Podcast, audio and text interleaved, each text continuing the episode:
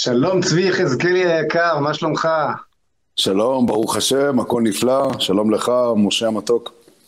אני כל כך שמח שהסכמת לתת מזמנך לתוכנית שלנו, לפודקאסט של, של ישראל מחר בערב יום כיפור תשפ"ב. באמת אה, עשינו מאמץ שזה יהיה דווקא איתך, כי הסיפור שלך הוא אומנם סיפור מוכר וידוע, אני חושב שבאיזשהו מקום אפילו הפכת לסמל של... של אמונה, של תשובה, של חיבור אה, שמיים וארץ, ישראליות ויהדות, you name it, מאיפה שלא, מאיפה שלא נסתכל על כל, ה, על כל הסיפור הזה, סיפור של צעיר ישראלי מצליח ש, שעובר אל עולמה של אמונה, בוודאי, בוודאי מתאים לנו, אנחנו ננסה היום באמת לדבר, למקד את השיחה לקראת יום כיפור בעניינים הללו, בעניינים של אמונה, של תשובה ושל, ושל יהדות. ויש לי הרגשה, שהולך להיות לנו מאוד מעניין, כי אני מרשה לומר על עצמי, יחד איתך, שנינו אנשים מאמינים, mm-hmm. כן? אבל כנראה שאנחנו מגיעים אל אמונה ממקומות אחרים לחלוטין. אני לגמרי. אומנם לא גדלתי במשפחה שהיא בהכרח דתית, אבל התחנכתי במוסדות דתיים של הציונות הדתית, אני למדתי אצל הרב דרוקמן באור עציון, והיסודות של המשפחה שלי לפחות זה חב"ד, זה, זה שור, שורשים מאוד. בקיצור, אני גדלתי עם האמונה בכפית. אה, ואני כל פעם שואל את עצמי, איך בן אדם שצלח את הילדות, כי בילדות כולנו מאמינים באלוהים, ככה אני, אני מאמין שאדם נולד מאמין. גם אמר לי את זה שי גולדן, שראיינתי אותו כאן, שאלתי אותו, איך הגעת לדבר הזה? אתה בא מרקע אחר לחלוטין, משפחה של עולים מרומניה שאימצו אותו, שום דבר דתי. מה, מה נפל עליך? אז, אז גם אמר לי במובן הזה, כל יהודי יש בו את זה, ובוודאי לכל ילד יש לו את זה. נכון. מי שצולח את זה, נכנס אל העולם השכלתני, הבוגר, תספר לי, תספר לי, איך, איך, איך זה קורה. וואו, טוב, קודם כל אה, אנחנו ברעיון של אמונה, אבל אני לא אבטיח לך שאני לא אגיד את המילה זביידי, כי איכשהו זה יופיע בהמשך. אני רשמתי לעצמי, אנו והאסלאם, באחת מה... לא, זה בסיפור התשובה. אה, כן? אתה היה איזשהו קשר עם האיש הזה, עם הנבלה הזה? תכף תשמע, תכף תשמע, אוקיי. תכף תשמע. טוב, אז קודם כל, וואו, זו שאלה גדולה, ואני מאוד שמח גם לדבר איתך ולהיות איתך כאן. אה, אני אומר כזה דבר, אה, כל אחד גדל בישראליות משלו, זאת אומרת, הוא גדל בבית שעיצב לו את תפיסת העולם. אני גדלתי בבית שכששאלתי את ההורים שלי בבר מצווה למה אנחנו לא דתיים, אז אימא שלי, שהיא אגב גדלה בבית דתי, הם עלו מצפון עיראק, כורדיסטן, עיראקים, אה, היא אמרה לי, אנחנו מיישבים את ארץ ישראל וזה שקול כנגד כל המצוות. אגב, משהו שגם נעמי שמר אמרה את זה, אז על עקירת ימית, היא אמרה, אם כל תרי"ג המצוות שקולות ליישוב הארץ, אינני רוצה לעשות עבירה בעקירת יישוב. תראה איזה יופי. אז זה כן מתחבר לעניין שכל אחד יש לו אה, אמונה, או יודע שיש אלוהים, אבל השאלה היא מה הקשר עם, ה, עם הקדוש ברוך הוא. וגם אני ידעתי שיש אלוהים, אבל לא היה לי קשר איתו, בעיקר כי הוא לא היה רלוונטי לאופן החיים שחייתי בו.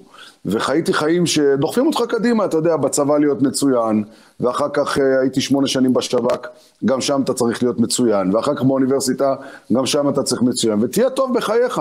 אם עושים, עושים טוב, זה היה המוטו בבית שלנו. הייתה עברת ארץ ישראל כמובן, אה, הייתי בחוגי סיירות של החברה להגנת הטבע, הייתי בצופים, בנוער העובד, בכל המקומות הללו ש, שאתה סופג אהבת הארץ, זה היה ברור. לא הייתה שאלה היום, כמו לדוגמה, שאהבת הארץ זה עניין פוליטי. אה, לטייל במדבר יהודה זה עניין פוליטי. פעם זה לא היה את הדבר הזה. היינו יוצאים מירושלים, מהבית של ההורים שלי שם בארנונה, והולכים למדבר יהודה. ורוכבים עם אופניים, אופנועים, לא משנה מה. העניין הוא מתחיל כאשר אתה כבר נכנס לסוג של מצוקה, ואני אסביר מה. אני חושב שבעצם, מאז שהתחלתי להתעמק בסכסוך הישראלי-פלסטיני, הבנתי שבעצם יש לנו כאן, לפחות למי שמגדיר את עצמו חילוני, יש פה איזשהו ארסנל ריק, ואני לא מדבר על העגלה הריקה, האינטלקטואלית שדיבר אז החזון איש עם, עם בן גוריון. אני מדבר על זה שפשוט אין לי את הכלים שיש לאלו שמתמודדים איתי. אני חייתי בין הערבים בחברון, ובג'נין, וכך גם הכרתי את זבדי וכולי, את זבדי יש לי היכרות איתו של כמעט 19 שנים. וראיתי שהם מחזיקים במשהו שדי הזכיר לי את סבתא שלי, אמונה. אמונה ב, ב, בהבנה שיש הקדוש ברוך הוא איתי עכשיו, והכל יהיה פה לטובה, וההבטחה שלו היא הבטחה, וארץ ישראל תהיה שלנו, וכולי וכולי. ככה גם הערבים רואים את זה, הם די תמונת מראה, הם גם מאמינים שאנחנו איזשהו, אה, בוא נגיד איזה פספוס עם השם יתברך, שלא עשינו מה שקרה, מה שהבטחנו לו, והוא עבר אליהם. הם מאמינים מאוד, גם האלוהים... מה זה הדבר הזה, מה הפספוס? הפספוס, שוב, אני אומר שהפספוס שלנו, אתה מדבר, לא, זה מה כן, שאמרנו. שלנו בעיניהם. כן, הפספוס שלנו זה שאנחנו לא שמרנו את הברית איתו. אנחנו לא הלכנו בדרכו, אנחנו לא מחזיקים את הקשר איתו. אנחנו לא דתיים. אתה יודע מה תכלס, אנחנו לא דתיים. זו אותה שיחה שהייתה לזה. רגע, אני אחדד. הבעיה שלהם איתנו, באמת לא חשבתי שנגיע כל כך מהר לנקודות האלה, כי חיפשתי יותר את המסע האישי, אבל זה, מרתק. אבל אני אתחיל, אני אתחיל עם המסע האישי. לא, לא, לא, זה ממש לא משנה עם איזה פתח אנחנו מגיעים לאן, זה הסיפור נכון. הרחב, הכל ביחד. אבל, אבל, הבעיה שלהם היא שאנחנו לא קיבלנו את מוחמד, או הבעיה שלהם שאנחנו לא קיבלנו את משה? את משה, את משה, את משה. בכלל לא. שוב, אני אתן לך את הדוגמה לשיחה. את משה אתה אומר. כן, כן. את הדוגמה כן. לשיחה ש... של סלאח תעמרי, עליו כתב אהרון ברנע את הספר, סלאח כן. תעמרי היה חבר מועצה מחוקקת והוא יושב בכלא גם, אגב זה סיפור שמשוייך גם לאחמד יאסין, שהוא בכלא בפסח אוכל מצה, כיוון שכלא, אה, לפני שיש בו חורים ומנהרות, מחלקים שם מצות. ו... כן. ומחלקים שם מצות כי זה מוסד אה, רשמי ישראלי. והוא כן. אוכל מצה והוא רואה סוהר שאוכל פיתה. והוא אומר לו, למה אתה אוכל? הוא אומר, אני לא מהדתיים. אומר אחמד יאסין, אומר סלאח תעמרי, אז הבנתי שהם מנוצחים. זה בדיוק העניין. איך אתה מחזיק את הדת שלך? אני בכלל לא, עוד לא בעניין של לשים עליך את, את, את, את אה, אה, יישור קו עם הדת שלי. והנראות הזו, לדעתי, החור הכי גדול בהגנה שלנו, שדרכו נכנסו, קראתי לזה משרד הפרסום ערפאת את יאסין, פנימה אל תוך החברה שלנו, כדי לפצל את כל הפיצול הגדול הזה שמפצל בינינו, שזה העניין של הסכסוך הישראלי-פלסטיני. אבל, לפני כן אני רק אומר לך, ראיתי את האמונה אצלם, ו, ובתור אדם שלמד הרבה שנים באוניברסיטה והתבונן בהרבה צורות חיים, הבנתי שיש שם משהו חזק. אגב, שהוא גם שייך לעם שלי, אני לא חשבתי שהם המציאו את זה. הם רק הראו לי את זה, הם רק הזכירו לי את זה, הם רק אה, אה, שיקפו לי את זה, כמו שאומרים. ו- וזה ישב לי איכשהו בראש, זה ישב לי איכשהו בראש.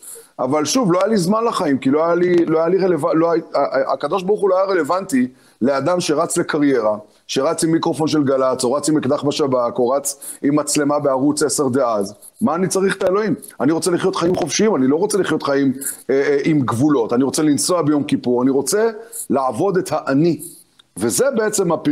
מפה אני, אני, אה, אני התחלתי את החיים שלי, מהאני.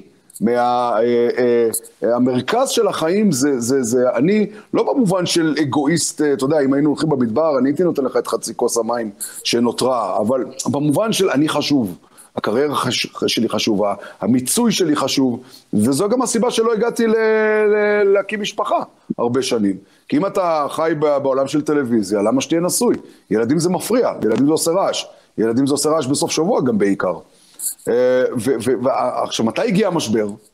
מתי שהחלו פה תהליכים בארץ. אני ראיתי את ההתנתקות ב-2005, וראיתי את הילדים המתוקים האלה נקראים מבית, מבית הכנסת. ראיתי את הסיפור של ההפיכה בעזה, שכבר זה היה, שוב, אני האמנתי שהרשות הפלסטינית תגיע לכאן ויהיה פה איזשהו סוג של שלום. כל הנוסחאות השכלתניות שאיתן חייתי, עד לאותו רגע, בין אם זה בחיים שלי ובין אם זה בסכסוך. הביאו אותי לסוג של תסכול, כשראיתי שהרשות הפלסטינית בסופו של דבר אמ, עשתה את מה שערפאת אמר לי, שבסופו של דבר את ההסכם הוא עשה כדי להעיף אותנו מפה, ושבסוף הייתה הפיכה בעזה ולא היה שם שום, שום שלום, ובסוף שפינינו את גוש קטיף, החמאס השתלט, והייתה מלחמת לבנון גם ב-2006, שראיתי את, ה, את מה שנקרא, את מגבלות הכוח, וזה שבר בי משהו, שבר בי משהו מאוד מאוד אה, יציב שהיה, כי הייתי ישראלי שמאוד נסמך על, אה, על המוסדות, בוא נקרא לזה ככה, ו, ו, וזהו, ומשם התחיל תהליך, ו, ושוב, זה תהליך איטי מאוד. מה שאתה אומר, מה, שאתה בעצם, מה שאני בעצם שומע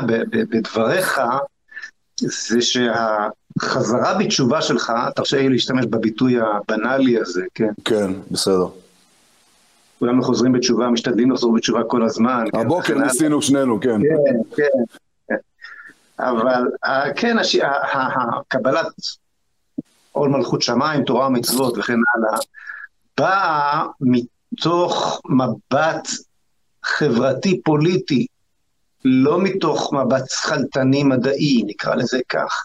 ממש ככה. אה, נכון, כי קיבלת איתות מהחברה המוסלמית שחיית בתוכה, שיש שם איזושהי עוצמה ש, שאתה לא מוכן לוותר עליה כשהיא בעצם נמצאת גם בחצר האחורית שלך, אז בוא נבדוק אותה.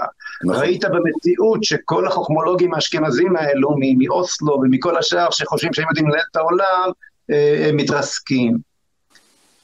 אני אה, באתי מהכיוון ההפוך. אני נולדתי, כמו שאמרתי לך, עם האמונה הפשוטה. הבלתי, אני, אני כשמתחילים, הדבר ש... לנסות להוכיח שיש אלוהים מעורר בי בוז. כל כך לא רלוונטי שזה מצחיק. נכון, נכון. מצד שני, אני אשכנזי פחלטן כזה, ובשביל, ואני נורא מבין את התל אביבי, שהוא לא צבי יחזקאלי שחי בקרב המוסלמים ומסתכל על פוליטיקה, אלא שבשבילו המדע זה אלוהים, והרציונליות היא כל מה שיש, ויכולת ההשגה הזה, ש...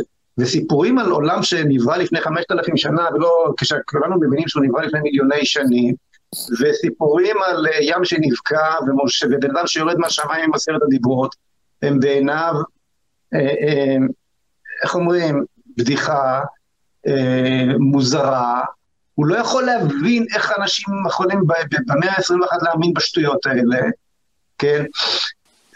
ומה אתה אומר לבן אדם כזה? אז קודם כל זה כבר מביא אותי לשלב השני של התשובה, ואני מסכים איתך. אגב, אני רק רוצה לתת לך עוד פרט שיהיה מאוד uh, קשור לסיפור שלנו. ההורים שלי הם, הם מזרחים, אבא שלי בעיקר הוא עיראקי, שבא כבר עם אנטי מהדת, אה, אנטי לדת עוד מעיראק. זאת אומרת, הוא עלה בתור ילד, אבל אני רואה את ה... המשפחה שלי כולם היו... קומוניסטי בפרק זמן, היה שם שלטון מאוד שמאלני. בדיוק, בדיוק. אבא שלי היה בוחר ברקח. הרבה שנים, היו לי דודים שתמיד עשו אה, ערבי שירה עם משוררים ערביים מירוש, ממזרח ירושלים ומהגדה. אה, אה, דודים שלי הגדולים, זיכרונם לברכה, שנפטרו רק בשנים האחרונות, ישבו בכלא בעיראק על השתייכות למפלגה הקומוניסטית.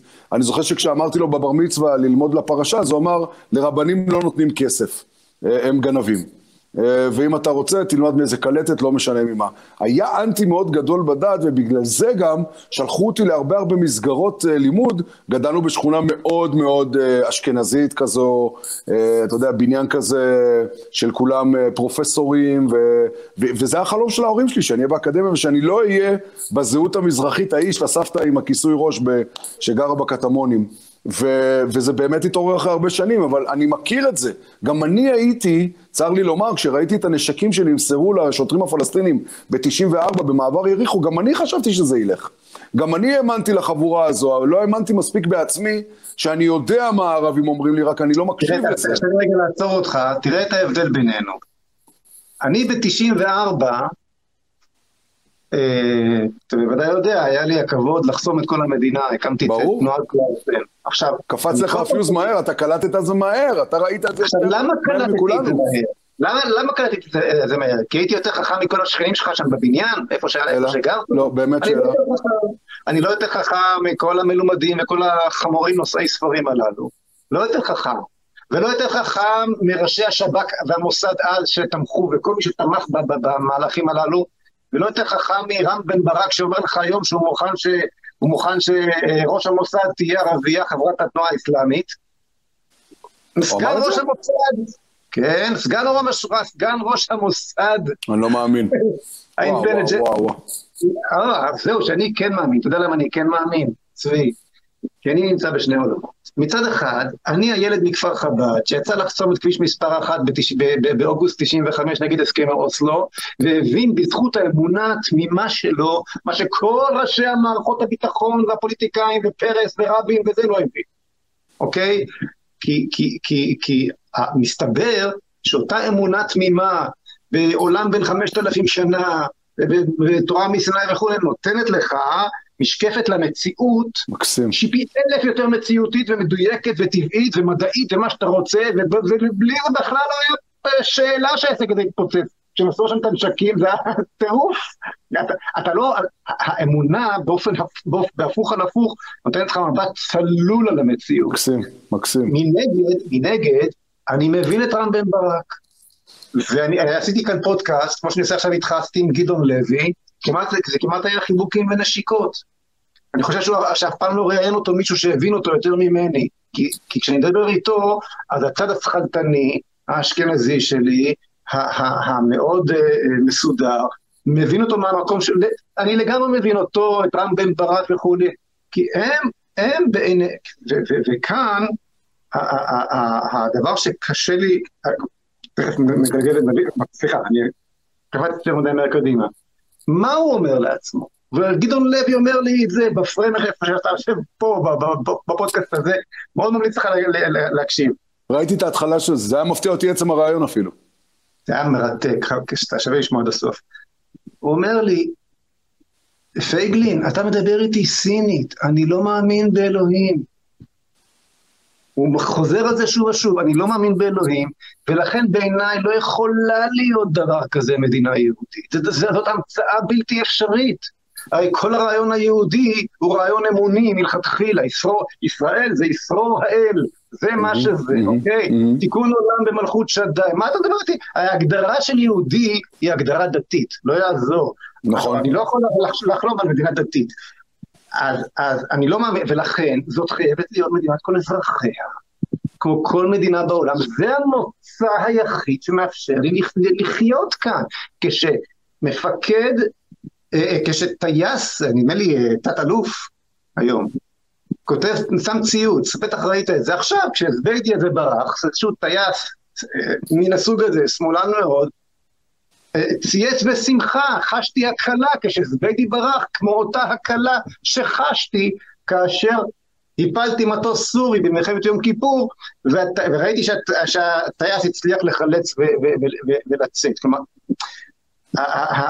כל, הם, אותה תפיסה לא אמונית, אני חוזר לעניין של אוסלו וכו', אותה, אותה תפיסה לא אמונית, שמנסה בכוח לסדר את המציאות בתוך המסגרת היחידה שבעיניה יכולה להתקיים, וזאת נכון. המסגרת ש...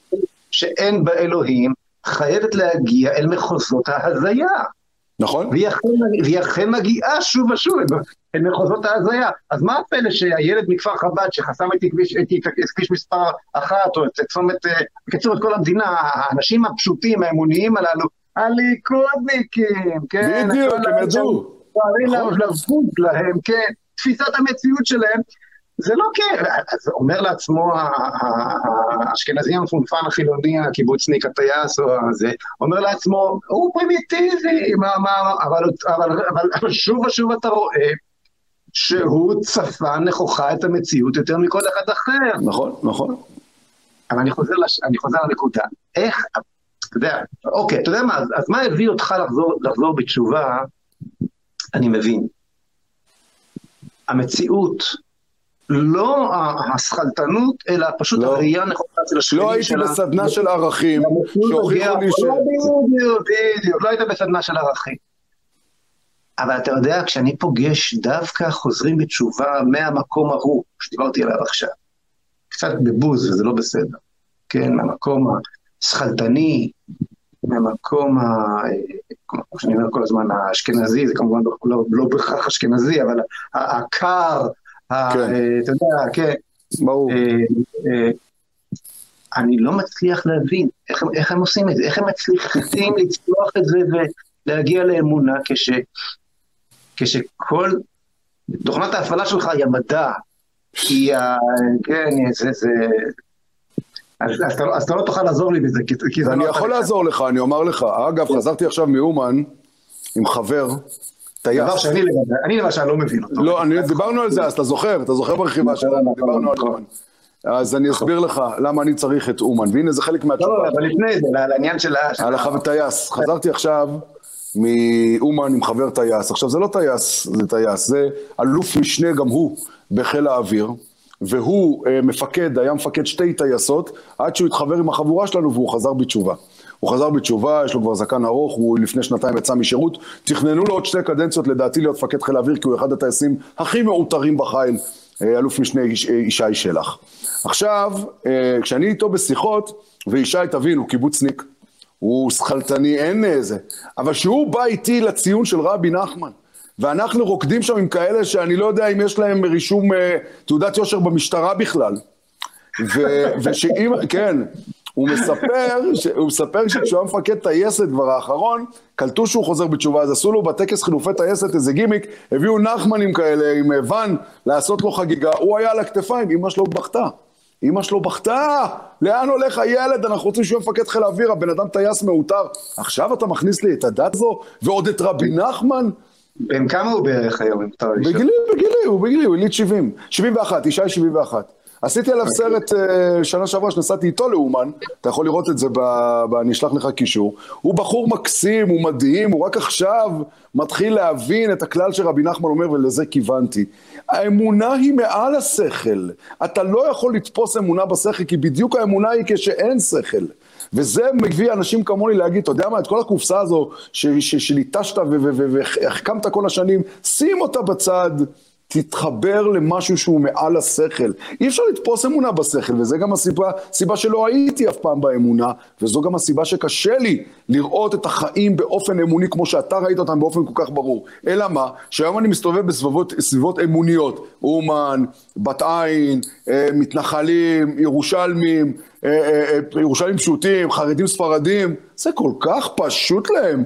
איך עבדו עליך ערבים, יחזקאלי, מה קרה לך?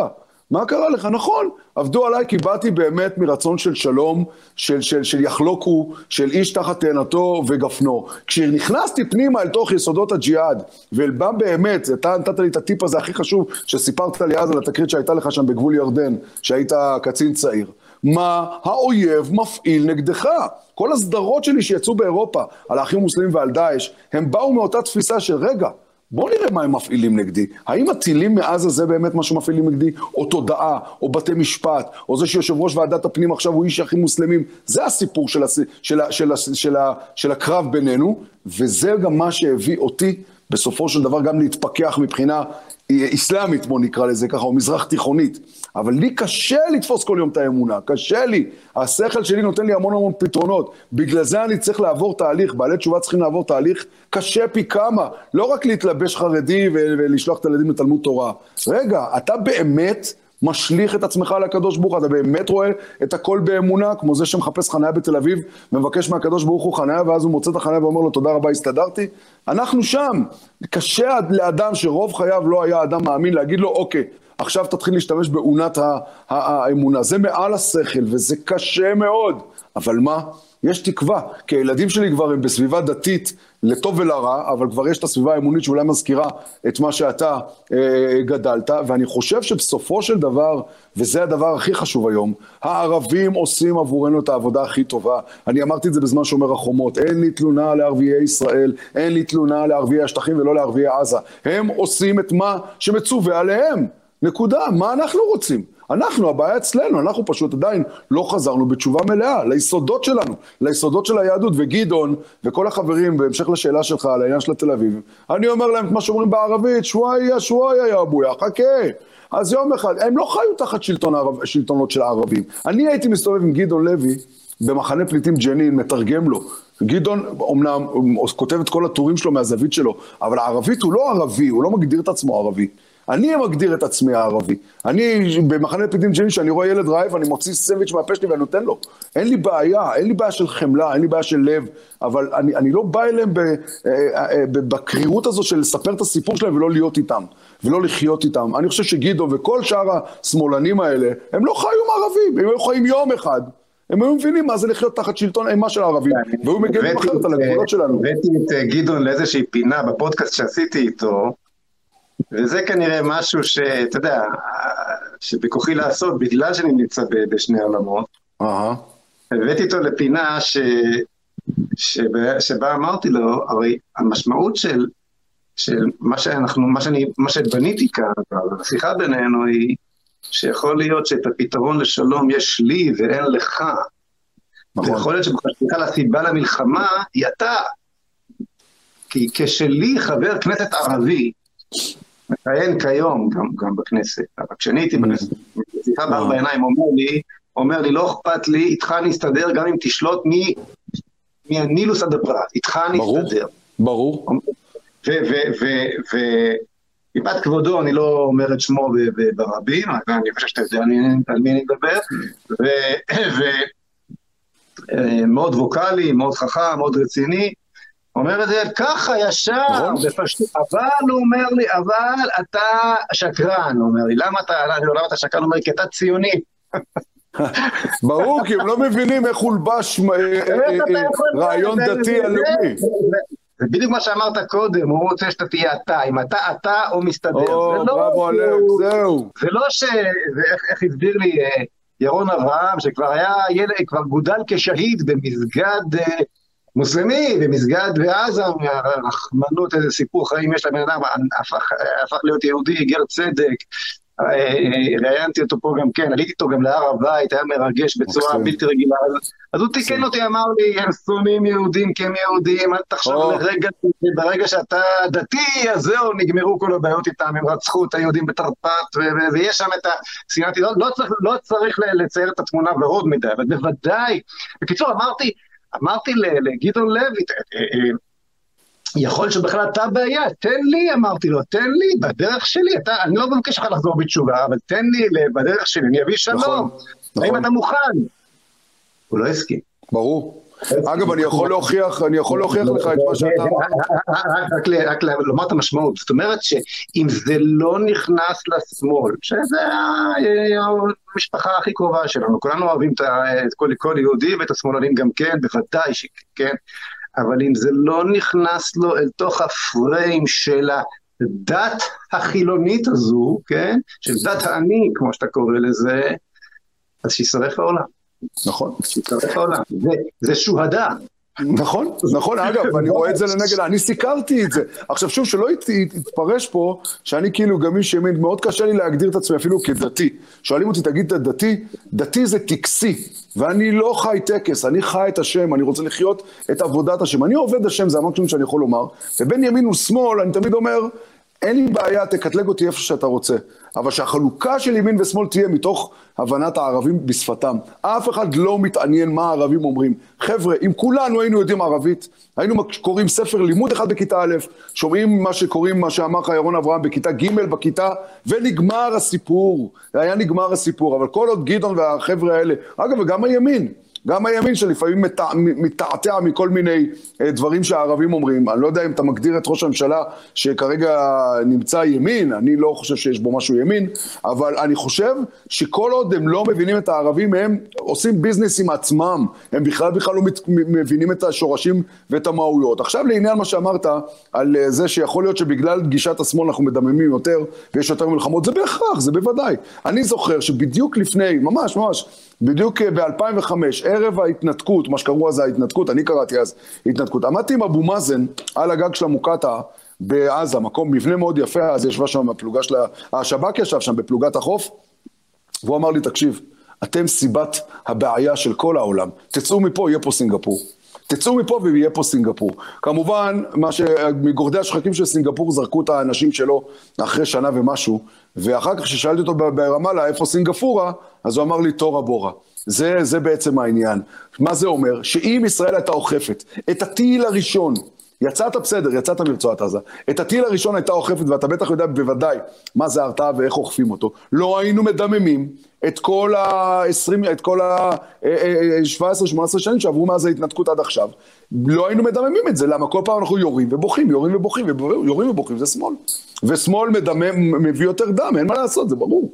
זה ברור, אם היית מפעיל רבע מהכוח שהפעלת בחומת, אה, בשומר החומות, ביום ש, שהטיל הראשון של הארגונים הסוררים וכל האלה שאנחנו קוראים להם, היית מפעיל את זה בעזה ביום הראשון, אולי היה משהו אחר. ולכן אני גם מסכים איתך על העניין לא, הזה. לא, לא, רבע, לא רבע מהכוח, אלפית מהכוח. אלפית, אתה יודע מה? זה בכלל לא עניין של כוח. ואני אומר לך את זה בביטחון מוחלט, של אותו ילד שידעת אותו מכל הגנרלים ב-95, כשהרבין הביא אותו ופרס הביא אותו. אז אני לא ידעתי את זה, אני לא ידעתי את זה, אני באמת...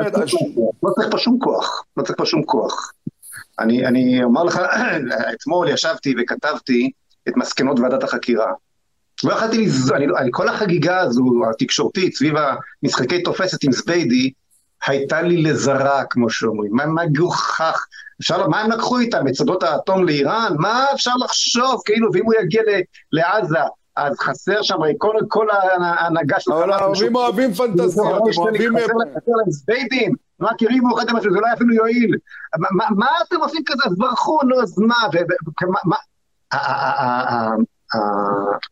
אבל כעבור, אתה יודע, התעצבנתי, מה אתם, כאילו... וכ... ו... אבל למחרת קלטתי שבגלל המשחק תופסת הזאת, זה הרי, זה הרי כמו, אה, כמו אולימפיאדה, מי ינצח, הקבוצה שלנו, הקבוצה שלהם, נכון. אין שום משמעות, לא לישיבתם בכלא, הם רק מזיקים, ולא לבריטתם מהכלא, ומה... אמרתי, רגע, יש עכשיו קשב. נוצר קשב. בואו נכתוב את שורש הבעיה. ישבתי, כתבתי את מסקנות ועדת החקירה שעוד לא מונתה. כן, כמובן, המסקנות שאתה לעולם לא תשמע, אני לא אכנס עכשיו לכל הסיפור הזה, כי, השיחה שלנו היא, היא, על אמונה, ואני מאוד ממליץ לך זה בפייסבוק, זה בכל מקום, אני אשלח לך את זה גם כן. את מסקנות ועדת החקירה שלי מכל, מכל הסיפור. בשורת, אני אגיד לך רק את השורה התחתונה. שורה התחתונה היא שוועדת החקירה שלי, ועדת פייגלין, הגיעה למסקנה שבמציאות הנוכחית צריך להוציא, צריך לשרוף את בתי הכלא האלה. אני חיכיתי שתגיד את זה, אתה יודע מה זה בתי כלא, אסירים ביטחוניים? מי שלא ביקר שם לא יודע מה זה הרתעה. לא יודע מה זה להרתיע סוהרים. בדיוק. המסקנה, את המסקנה כתבתי בשורה אחת. לא הם אסירים שלנו, אנחנו האסירים שלהם. פשוט לי. כל המדינה, אסירים שלהם שם.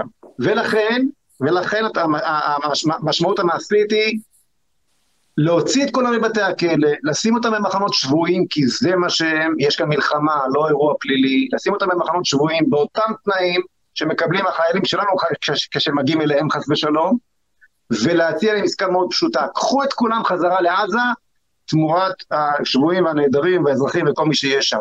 זה הכל, וכל עוד, ואם לא תסכימו לעסקה הזאת, הם יקבלו בדיוק את אותם, הם ימשיכו לחיות באיזה אוהל עלוב, באותם תנאים שאתם נותנים לחיילים שלנו.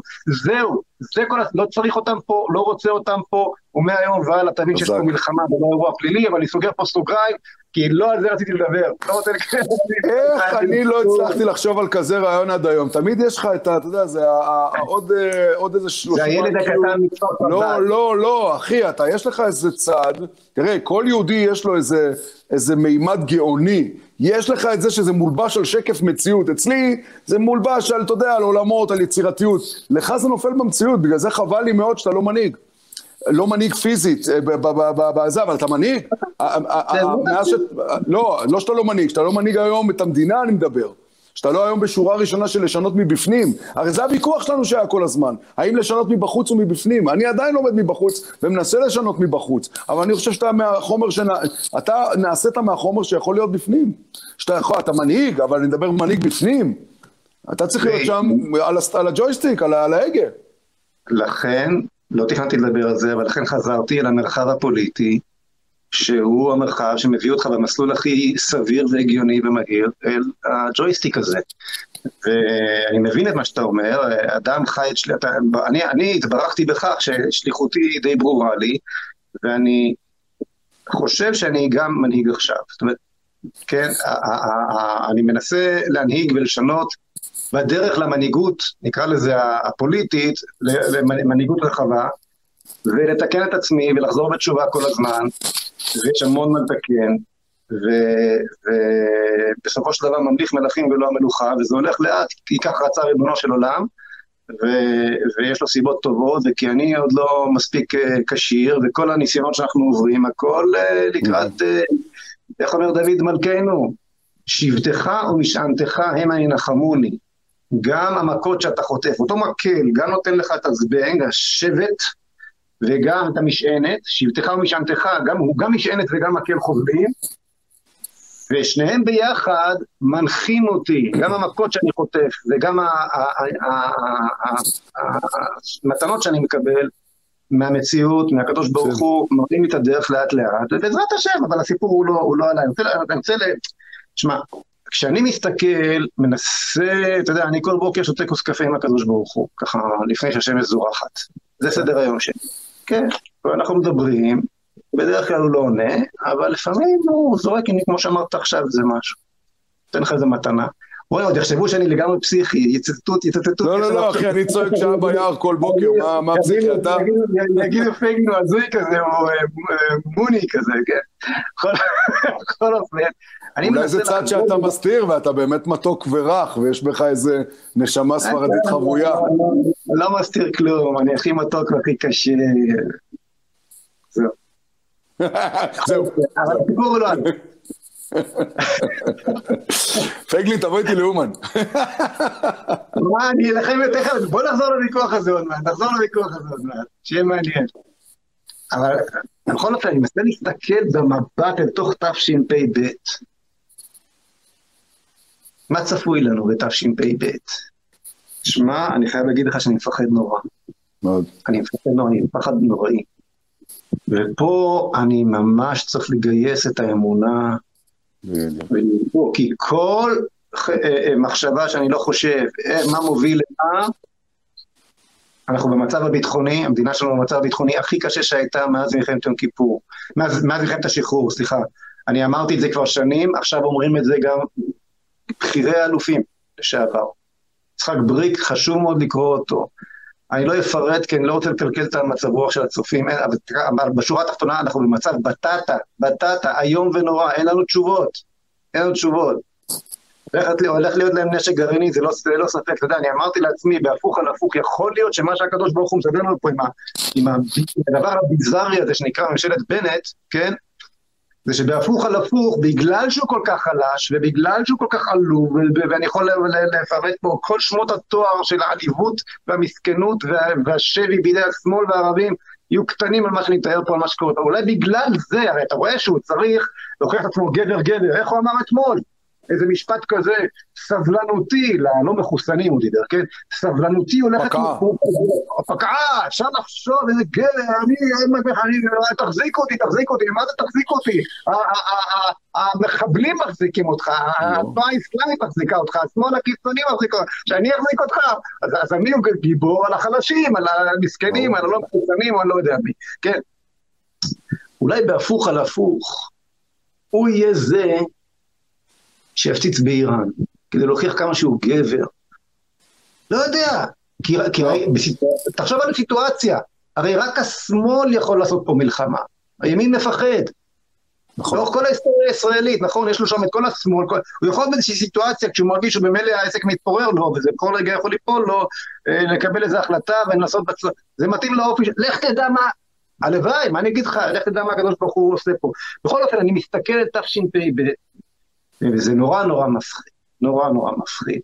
אז בוא תעזור לנו קצת. תעזור לנו, כי אני, אני, אני מסתכל על המציאות הכלל עולמית של אובדן החירויות היהודיות בכל העולם. אין יותר דמוקרטיה, לא יודע אם שמת לב. הדמוקרטיה, פסה, פסה הדמוקרטיה. באוסטרליה, בניו זילנד, הברית, נשיא, הוא בסך הכל חיקה את ביידן, ביידן דיבר ככה. סבלנותי פוקעת וכולי, אתה רואה איך ש... תראה, התהליכים שעברו כאן, ואני ממש לא מתכוון לדבר פה לא על חיסונים ולא, ולא על קורונה, אבל התהליכים שעוברים כאן סביב הסיפור הזה, הפכו את, ה, את רעיון חירות הפרט ל, ל, ל, למילה ריקה, לחסר משמעות לחלוטין. נכון. אתה יודע, אני הייתי בכל צמתי הוויכוחים הגדולים של החברה הישראלית, כמעט בשלושים השנים האחרונות. הייתי באוסלו, כמו שאמרתי, עם זוהר ואחר כך בהתנתקות, וכל מה שביניהם, וזה... תמיד, תמיד, תמיד היה איזשהו חרך צר בתקשורת גם לדעה הנגדית. אמנם תמיד הייתה התקשורת המוטט לחלוטין, ואני זוכר שאז היה פה פוליטיקה בשנות התשעים עם אוסלו, אז דאגו שכשהביאו אותי כמי שהקים את זוהר ארצנו לפה פוליטיקה, שאני אהיה מול שישה שמאלנים, כולל אה, טומי לפיד שהיה כאילו ימני, אבל היה יותר, יותר גרוע מכל השמאלנים, ודן מרגלית, ועוד איזה ארבעה, חמישה כאלה, פאנל כזה שאין לך שום סיכוי להוציא משפט, אבל עדיין היית שם. היום, היום, אתה יכול להיות אה, אה, זוכה פרס נובל, ויש, כן? אתה יכול להיות הפרופסור הכי חשוב באוניברסיטה. אם אתה לא מבטא את העמדה המסוימת שכרגע אתה צריך להש... להשמיע, של משרד הבריאות וכדומה, יוק, אתה לא, אין לך, אין לך במה, אתה חייב להתגנב דרך האינטרנט, ואתה קונספירטור, ואתה פה, ואתה... אוקיי. כל כך מוכר. כן, זאת אומרת, ואתה יודע, אני גם ישבתי לא מעט במעצרים בימי חלדי, כמו שאומרים, כן? ברוך השם, זכיתי לשבת הרבה במעצרים. בהתחלה זה היה גם בגלל הר הבית, ובגלל אה, חסימות כבישים ומה לא.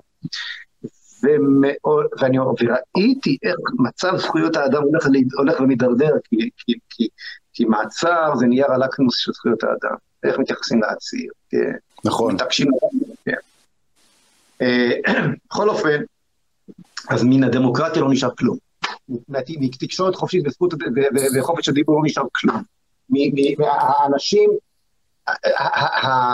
אתה רואה גם הבג"ץ למשל, בהתחלה הוא עוד בדחילו ורחימו הוא פסל חוקים, היום הוא גם לא מנסה לתרץ, זה על ימין ועל שמאל, חוק הלאום, חוק יסוד, הבג"ץ יושב על המדוכה עם חוק היסוד שחוקק ברוב מיוחס, אם לפסול אותו או לא, וכן הלאה וכן הלאה. ומנגד מעביר לך בניגוד לחוק את מי שהוא עכשיו יושב ראש ועדת הפנים שלך, מחבל מהתנועה האסלאמית, זה טהה אחד. אתה יודע איזה עוצמה זאת לשבת בראשות ועדת הפנים? אני הייתי חבר בוועדת הפנים, כן? למה הוא יושב שם? כי חמש, שש פעמים הכנסת חוקקה שאנשים כאלה לא יכולים, לא, לא, לא יכולים להיבחר, הבג"ץ מצפצף. זאת אומרת, לא נשאר לך כלום מכבוד האדם, חירותו, זכויות האדם, חופש הדיבור, כלום, וזה תהליך שקורה בכל העולם. אז אני מסתכל על כל התהליך הזה, גם על האיום הביטחוני הישיר, הרי כל ניצוץ מעזה מדליק לך בתגובת שרשרת את החיזבאללה, ואת כל האיום האיראני שבחוכמה. רבה סוגר, סוגר עליך מכל הכיוונים, כן? עם, עם, עם, עם, הרי, הרי הרי אין, אין לנו, אנחנו רואים סבב אחרי סבב שאין לנו תשובה. לעזה אין לנו תשובה. אז למבול של, העיר, של, של מאות אלפי מדויקים מלבנון ומכל המרחב הזה שהאיראנים סוגרים לנו, יש לנו תשובה, אין לנו תשובה. אין לנו תשובה, אתה יודע למה? כי ה... למה אני פה נואם? אתה צריך לדבר פה בפודקאסט הזה. אני מקשיב לך ברוב קשב. אין לנו תשובה. ואני מוצא את עצמי חוזר שוב ושוב במחוזות האמונה. הקדוש ברוך הוא עושה פה משהו. נכון. אבינו שבשמיים עושה, עושה פה משהו. הוא כנראה לא הביא אותנו לכאן אחרי אלפיים שנות גלות ואחרי השואה האיומה מכולן בתור איזושהי בדיחה מקיאברית, אוקיי? ברור שלא, ברור לי. זה אפילו לי כאדם שלומד אמונה, ברור לי, אבל עדיין יש לנו פה מצב לפענח. עדיין יש לנו פה מצב להתבונן בו. להתמודד, באחריות. יפה, אז אני אגיד לך איך אני רואה. רק בגלל חוסר אמונה, רק כי... ברור לי. הגענו למצב הזה שאין לנו תשובה לאיום הטילים, כי בתודעה של כל הקצינים, וכל הגנרלים, וכל הרמטכ"לים, וכל מי שלא יהיה, נגמרה המלחמה באוסלו. ברור. ברור, מה זה, אין מלחמה, יש אתגורי, אין להם, לא קוראים לזה מלחמה. אייזנקוט, שהגיע לוועדת הפנים, לוועדת חוץ וביטחון. ניצחנו או לא ניצחנו? שאלת אותו. במהלך אה, צוק איתן. אמרתי לו, ואני רואה ששם, זה מצחיק, הורגים חיילים שלנו לחינם. אמרתי לו, תגיד לי, מי האויב? הוא לא ידע לענות. ברור. אין אויב. יש מנהרה, אין אויב. אין אויב, נכון. לערבים יש אויב ברור. הוא נהיה רמטכ"ל כי הוא קיבל על עצמו שאין אויב. אז למה שיהיה לנו עכשיו מערכת, מערכת להגנה שיכלה להיות לנו כבר לפני 20 שנה, נכון. נגד המציאות הזאת, אם אין אויב, אויב זה לא, אויב זה לא מילה שמשתלבת בעולם הזה, ואני אחזור לתחילת ה... יש נכון. טרוריסטים, יש טרור, אין אויב. נכון, נכון, יש אה, bad guys, או איך קרא להם אה, טראמפ, אה, אנשים אכזריים, שכך קרא לדאעש. אני אתחיל לפרק את כל מה שאמרת, אני מזדהה ואני אומר לך איך אני רואה את זה מהצד שלי. אז קודם כל העניין הזה של האויב, ואני אתחיל דווקא, שאלת על תשפ"ב, ואני אומר לך ככה, אם סברנו פעם שהאיום הקיומי שלנו הוא איראן, אני חושב שעכשיו אני, אני, אני שוב, איראן הפכה להיות איום קיומי, אה, חזר, חזרה להיות איום קיומי, בשני, מאז ששלטון ביידן עלה ואנחנו הפסקנו לתקוף. זה אחד, ואתה שם לב, אנחנו כבר לא התקפיים שם, גם לא עוצרים את תוכנית הגרעין. וכתבתי על זה, כן. מה זה? שמתי לב, שמתי לב, וכבר כתבתי על זה כמה פעמים, כן, איבדנו את ההצעה לחלוטין. קודם כל, אני צריך לקרוא אותך בפייסבוק, ואתה צריך לשמוע את, ה... את הפרשת שבוע שאני עושה, כי ב"כי תצא למלחמה" כתבתי שלהגיד אויב היום זה, וואלה, מה קרה, יחזקאלי, מה אתה כזה קרבי וזה. אויב זה מה שלי יש לך כל בוקר, שאנחנו מבינים מה זה יצר רע. אדם, יהודי הוא לוחם. ואין end of wars, אתה יודע, אין קץ ההיסטוריה. חביבי, יש כל יום התנגשות עם היצר הרע ויש כל יום מלחמה. צר לי, שלום משיגים רק על ידי מלחמה. עכשיו, להכניס את זה לראש של כולם, זה יהיה קשה. אלא מה? והנה עכשיו אני אגיד לך, אני אראה לך את זה, השאלה אם אנחנו רואים את זה מהחוצה או פנימה או פנימה החוצה, אני אסביר. איראן כרגע היא תמיד הייתה משהו שמתנדנד בין איום קיומי ללא איום קיומי, כולל מה שקורה בגרורותיה, אני מדבר על חיזבאללה. אבל הש... אחרי השנה הזו, כי תשפ"ב היא קודם כל היא, היא אחרי תשפ"א. אחרי השנה הזו אני חושב שהיה לנו שבר עצום, שהוא מטושטש כאן, והוא לא נאמר כאן. וזה לא רק הכישלון האסטרטגי של השב"כ לצפות את מה שקרה בערים המעורבות, את זה שקמו עלינו בערים המעורבות, אני לא יכול, אני, אני, אני כאילו צועק פה את זה ברחובות, כאילו זה כבר היה ונגמר, ואוכלים שוב חומוס ופלאפל אצל סמיר חמוד אה, אבו, אבו, אבו לא משנה מה. חבר'ה, הם קמו עלינו, היה פה ג'יהאד. יש פה ג'יהאד שקט שמתנהל ולפעמים הוא רועש ואנחנו לא מסיקים את המסקנות. ודווקא זו חזרתה, השנה הזאת תהיה חזרתה של הסוגיה הפלסטינית ביג טיים אחרי שכבר קשרנו את כל המדינות מסביב, המפרץ וסעודיה להראות לפלסטינים שאין להם שום כתובת. והנה הכל התהפך שוב, שזה מתחיל מביידן, והכספים לאונר"א, והכספים לרשות הפלסטינית, והסעודים שלוקחים אחורה, והנה עוד פעם הפלסטינים בקדמה, עזה וכולי. אנחנו היינו על, על, במסלול מדהים לחנוק את התופעה הזו, ובעצם להתגבר עם זה, וזה לא קרה. ולכן זה מחזיר את האיום לדעתי השנה. האיום הקיומי שלנו הוא האופן שבו אנחנו נראה את מה, את הסכסוך הישראלי-פלסטיני. זה לדעתי האיום הכי גדול, ופה אני חוזר לממשלה הזו. אתה אמרת שם, נכון, ברור שאנחנו אנשים מאמינים, והכל ביד השם, ויד מלכים ביד השם, והכל בסדר, אני מבין את זה. ויכול להיות שגם תהיה איזה איפכא מסתברא שבנט יתקוף, אני לא חושב. אני לא חושב כי אני קצת הכרתי את הבן אדם, אתה יודע, הוא שכנע אותי לבוא לפוליטיקה יותר מפעם אחת, ויצא לי לדבר עם הבן אדם ולא סתם לא הלכתי אה, אחריו, ולא הלכתי בכלל. אני יכול לומר לך שהממשלה הזו היא, היא כמו סינרגיה, היא גדולה מכל סכום נזקיה. זאת אומרת, הנזקים הם יותר גדולים, סינרגיה סליחה, בהפוך, כן. סינרגיה בהפוך, כן, סינרגיה בהפוך, כן. כי בעצם כשאין לך, ופה נכנס האלמנט אה, שלך שאתה אומר שאין דמוקרטיות, בעצם זה, הדמו, זה הליברליות המדכאת, זה היה ספר מאוד פופולרי שלמדתי באוניברסיטה. תפאדל אחי, יש לך אינטרנט שלך הכל, אני מדכא אותך. אני חושב שזה שאין ראש ואין שליטה על כל המשרדים, זה כמו שאתמול רוצים לקחת את המימון לעד כאן, את טופס 46, לארגון עד כאן, ארגון ש, שעושה דברים מקסימים ומדהימים. חוסר השליטה של הממשלה הזו בכל זרועותיה, זה לדעתי יכול להאיץ את האיום הקיומי. והאיום הקיומי הוא זה מה שקורה לנו פה. זה הג'יהאד הפנימי של עזה ושל הערים המעורבות ושל הפלסטינים פה, שמחכים לרגע, ואנחנו משדרים להם חולשה, ואתה תראה שאנחנו בעצם, אה, אה, זה בדיוק כמו המאמר שלך על שירות בתי הסוהר, אנחנו אלו שבידיהם, ההרתעה היא בידיהם, ויש תהליך אחד שאני מאוד רואה אותו אולי קורה בתוך כל שבירת, ה, שבירת המציאות של קורונה וכולי, עם ישראל בסופו של דבר חוזר בתשובה. כי אני, הרוב היהודי שאתה תמיד מדבר עליו, לצערי מה שנקרא, צריך להגדיר אותו גם עדתית, הוא רוב ספרדי. וספרדים, הם, הם, הם מחוברים בנשמה, לא ייתנו לכזה דבר לקרות. אתה תראה בבחירות הבאות, אתה תראה את זה. אתה תראה שזה לא יכול לקרות, לא יוכל. אם אני חזרתי לספרדיות שלי וחזרתי בתשובה, קל וחומר לכולם, הם לא יוכלו לראות את זה. כי לא בשביל זה באנו אחרי אלפיים שנות גלות לבוא לפה ולתת 50 מיליארד לנגב. מה פתאום חזרת לליכוד? זה הליכוד שעשה ככה ועשה ככה ועשה ככה. אתה יודע מה אני אומר? בדיוק את מה שאתה אומר עכשיו. להחליף את העם, הקדוש ברוך הוא כבר הציע למשה רבנו, הוא לא הסכים. העם, מה שאתה קורא לו, כן? אותם, הספרדיות הזו, החיבור, הרי זה לא סתם שכמעט כל יהודי שלישי הצביע ליכוד. אני לא עושה פה עכשיו פוליטיקה, אני, אני אומר משהו עמוק. כן?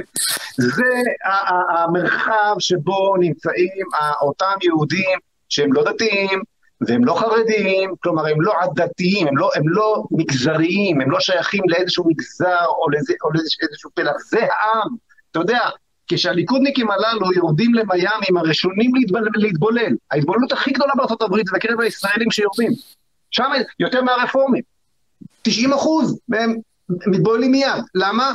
כי הם כבר לא מגזר, הם לא יודעים לחיות כקהילה. נכון. הגרעין של לאומיות יהודית לא נמצא אצל הדתיים והחרדים, זה נמצא אצל העממיים הללו, אוקיי? נכון, אצל הליכודניקים. נכון. אצל אלה שהולכים לאומן, ואלה ש... זה הדבר שמחזיק את המדינה שלנו כמדינה יהודית, זה זה. אז אני הולך אל העם, כשאתה בא לפתור, נכון, יש המון מה לתקן שם, אבל משם גם יבוא התיקון. רק מהמרחב הזה יכול... תראה, כמו שהלכתי להתערבב עם הערבים, והלכתי פנימה ושם השתנתה לי התפיסה, כי כל עוד סיקרתי מנהיגים ברשות הפלסטינית, אני ראיתי את זה כמו שהם רואים את זה. אבל ברגע שחייתי בתור ערבי, וראיתי את סדר העדיפויות של שבט, משפחה, אינטרס, אדמה, כבוד, כלכלה, הבנתי שאנחנו לא מבינים כלום ואין פה סוף לסכסוך הזה. נקודה. זה אמר לי זבדי, אני רק פעם אחרונה זבדי להיום, וזה אולי יתחבר לך לשאלה של הזהות היהודית. ב-2006, 2007, אותם שנים שכבר הייתי מעורר, חיסלו את הסגן של זבדי והוא אמר, היהודי הראשון שאני רואה, אני יורה בו, ואני מחסל תמורתו אה, את, את שייח, מה שלקחו לי את שייח' מחמוד, הסגן שלו. אני באותו בוקר נכנסתי לג'נין, נכנסתי לזבדי, לאמצע ההלוויה, וזבדי מתחיל לראות לי מעל הראש, ממש, צרור ככה, חותך לי פה את הטלטלים שהיו לי. אמרתי לו, מה קרה? הוא אומר לי, הבטחתי להרוג את היהודי. אז אני צועק לו בהפגנה, אתה תראה, זה, זה מצולם. אני לא יהודי, אני עיתונאי. אני עיתונאי ישראלי. הוא אומר לי, מה זה עיתונאי ישראלי? אתה יהודי. אתה יהודי. אז זבדי רואה אותי יהודי. למה אני לא רואה את עצמי יהודי? זה הבסיס של כל הזהויות. ציוני, ישראלי, פלאפל, אה, אה, אה, יום העצמאות, תפאדל, זה אחרי, אבל קודם כל יהודי. קודם כל יהודי, אין את היהודי. עכשיו, בגלל שאני התערבבתי עם כאלה שהזהות הדתית היא הזהות המגדירה, אין שום זהות אחרת, שבט ודת. זה הכל. כולם מוסלמים ומתפלגים לשבטים. זו הנקודה שכל אחד יגיע אליה בהמשך לתחזית שלנו לתשפ"ב. הזהות היהודית תתחזק בכל אחד מאיתנו. למה? כי פשוט לוקחים לנו את המשענות המדומות שהיו כאן ומטלטלים אותן. מטלטלים, מה, הממשלה הזו זה לא סוג של טלטול? כנראה שהמהלך של הקדוש ברוך הוא כאן הוא לקחת לנו את כל המשענות הללו. ברור, זה ברור, בדיוק. שמחנו על צה"ל, שמחנו על המדינה, על השיטה הדמוקרטית, תראה, היא לא עובדת. אפילו על המוסד, המוסד זה היה אחר כך, ועכשיו אתה אומר שכבר הלך לתנועה האסלאמית. ואין לנו על מי לסמוך אלא על אבינו שבשמיים, זה חוזה, אתה יודע, אני אומר לכל... אני פוגש הרבה פעמים, אתה יודע, את הצעיר התל אביבי, המגודל השיער והמקועקע וכן הלאה וכן הלאה, השנקינאי הזה, ואני אומר לך, לא יעזור לך. על המצח, כמה שתסתיר, כמה שתברח, על המצח כתוב לך יהודי.